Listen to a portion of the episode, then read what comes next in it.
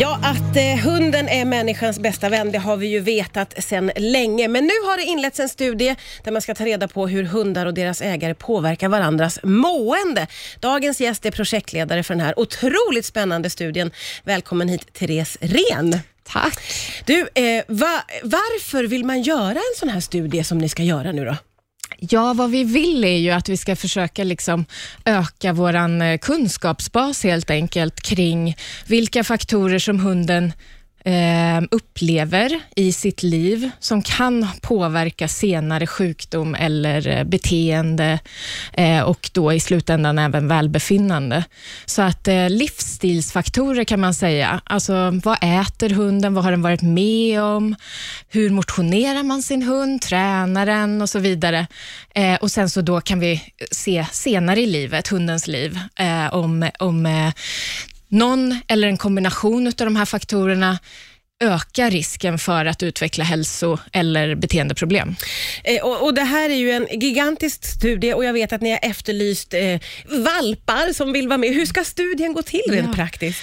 Jo, men det är så här att vi vill alltså engagera nyblivna valpägare, för vi vill liksom fånga upp den här tidiga fasen i livet hos valpen.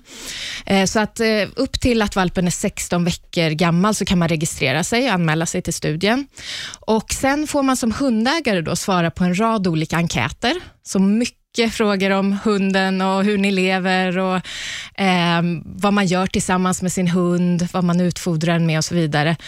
Eh, och sen eh, så, ja, så är man med i det här projektet i hela hundens liv då förhoppningsvis. Ja, ja det följs hela livet. Ja, ja. Det blir otroligt omfattande då. Ja, det blir det. Det blir som en tidslinje där man liksom kan hoppa tillbaka och titta på vad, vad upplevde hunden under den här perioden i sitt liv och, och vad det gett för effekter. Och Det är första gången man gör en så pass stor och omfattande studie? Ja, här i Sverige så är det det. Eh, internationellt så finns det några stycken, men det behövs definitivt mer kunskap i den här, från en sån här typ av studier. Men eh, vad vet man eh, om förhållandet mellan hund och ägare idag, skulle du säga?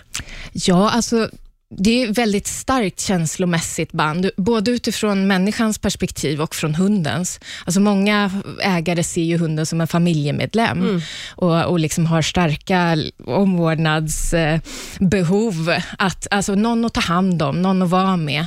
Samtidigt så kan ju hunden också vara en trygghet för en själv. Man kan må bra av att ha någon som inte dömer en, som gör eh, i princip vad man vill mm. och accepterar väldigt mycket eh, utifrån alltså, hur man agerar gentemot hunden och så vidare. Eh, och så Från hundens sida, då har man faktiskt likställt eh, det här bandet med det bandet som utvecklas mellan barn och föräldrar. Det är så pass eh, starkt, eller det finns liksom det här, ehm, den här tryggheten och trösten som ett barn ser hos en förälder. Det verkar även en hund kunna uppleva i relationen med sin, eh, sin ägare. Gud, som hundägare så blir jag ännu mer glad i hjärtat när du säger det. Man blir ju helt rörd av det. Du nämnde ju det att man vill titta lite grann på vilka faktorer som orsakar sjukdomar hos hundar. Mm. Eh, vad kan det vara för någonting? Ja, alltså det, det är det som är lite omdebatterat, för att hundar lever ju ett allt längre liv idag. Vi har bättre veterinärvård och vi har bättre resurser själva som ägare att betala för den här också. Eh, så att faktiskt så är det så att eh, hundar drabbas av ungefär samma folksjukdomar som vi. Alltså cancer, diabetes, hjärtsjukdomar, övervikt och sådana saker. Och Det här är ju vanligt förekommande sjukdomar.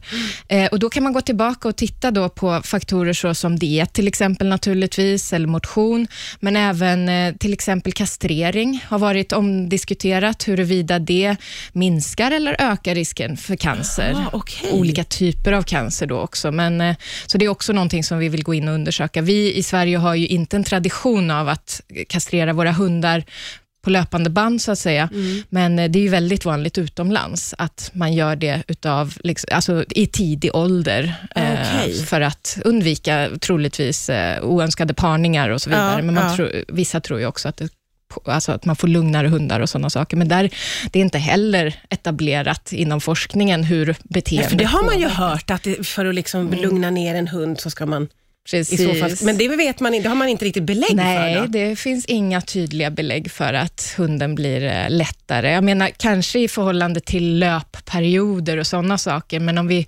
pratar mer hundaggressivitet eller ja, hanhundsaggressivitet Mm. är ju en vanlig eh, anledning till att man vill kastrera. Då ser man faktiskt väldigt lite effekter utav bara kastrering. Ja, okej. Mm. Och hundar påverkar väl även vår hälsa? Kan man se det? Ja, eh, det är också eh, väldigt intressant. Eh, Alltså, hundar tillför ju så mycket för vår psykiska hälsa, för de allra flesta i alla fall. Eh, Sen har vi det här gemene man, alltså man får ju ökad eh, motion för att man promenerar med sin hund. Det är i alla fall vi i Sverige går ju ofta på promenader med våra hundar, så Ja, just där, det. det. Det, kommer liksom med automatiskt. Ja. Eh, Men man har också sett att det här välbefinnande hormonet oxytocin frisätts hos oss när vi interagerar lugnt med en hund på ett positivt sätt. Mm. Så att det finns så många olika faktorer där hunden kan liksom vara en, eh, en supermedicin och en, eller liksom en hälsofrämjare Ja. för oss människor. Så att eh, i studien så kommer vi också fråga om ägarens hälsa allt eftersom och se hur den kanske påverkas utav relationskvaliteten, eh, beteendeproblem hos hunden, alltså lite stressfaktorer runt omkring hundägande Ja, också, ja. men också det här med hur mycket motionerar du din hund och, och så vidare, som då borde automatiskt kopplas samman med några positiva fysiska effekter också. ja. Jag har läst någonstans att hundägare lever längre än andra. Ligger det någon sanning i det här? Ja, det är svårt att göra väldigt eh, kontrollerade studier, skulle jag vilja säga. Men det finns vissa, eh, viss forskning som pekar mot att hundägare lever längre. Sen vet man väl inte exakta sambanden mellan vilka faktorer som har gjort att man lever längre. Man kanske är intresserad av en hälsosammare livsstil och därför skaffar hund, till exempel. just det. Eh, så att, Det finns är de många kop- faktorer. Ja, precis. De här Ja. kopplingarna är lite oklara fortfarande. Ja, jag förstår. Du har ju ägnat eh, lång tid åt att studera hundar och bland annat har du tittat på eh, hälsningsbeteendet. Vad, vad har du kollat på där? Ja, eh, vi har bland annat tittat på hur hunden påverkas av hur vi eh, tar kontakt med hunden när vi kommer hem. Ja. Så att, eh, och det, I den studien så har vi sett just att eh, oavsett vad du gör när du kommer hem så ökar eh, det här välbefinnande hormonet hos hunden. Hunden blir väldigt glad när man kommer hem. Glad och beteendet är liksom vifta på svansen och närhet och, och allt det här. Ja. Men om du själv som ägare interagerar fullt ut, det vill säga att du både pratar med hunden och klappar om den samtidigt, då håller sig det här oxytocinet på en hög nivå under en längre tid från återföreningen så att säga hos hunden. Så Ja. det, det verkar liksom uppskattas allra mest hos hunden. Det där är ju intressant. Jag sa det till dig under låten att i min familj så jag är ju den som när jag kommer hem skriker ”Hallå hundar!” och slänger mig ner på golvet och det blir tumult och det blir väldigt så, men det är glatt. Min man är ju sådär att man ska inte eh, säga hej i hallen, man ska gå in och det ska vara Ja. lugnt och vi är lite olika. Jättevanligt att, att man har de här olika inställningarna. Känns som att mitt sätt ändå gör hundarna gladare.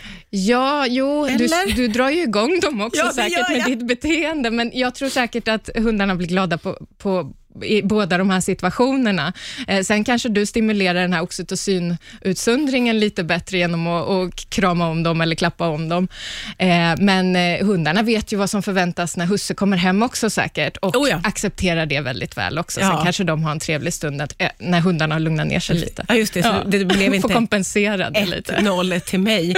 Eh, Men vad ska man tänka på i de där, eller, eller vad, har ni liksom, vad har ni kunnat läsa ut av det här?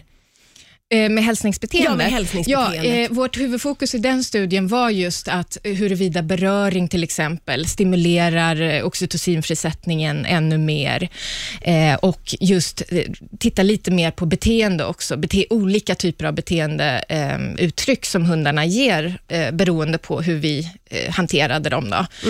Eh, och där kunde vi också se att hundarna slickade sig mycket mer om munnen och var mer kontaktsökande, alltså initierade mer fysisk kontakt med den personen som eh, eh själv var fysisk och pratade med hunden. Medan de som pratade med hunden bara, eh, där kunde vi se att hundarna i början eh, viftade väldigt mycket på svansen och vokaliserade mycket mer.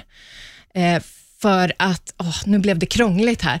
Eh, det, det föreslår vi är eh, kontaktsökande beteende. För om vi, om vi jämförde det med den här situationen där eh, full interaktion genomgicks. Ja.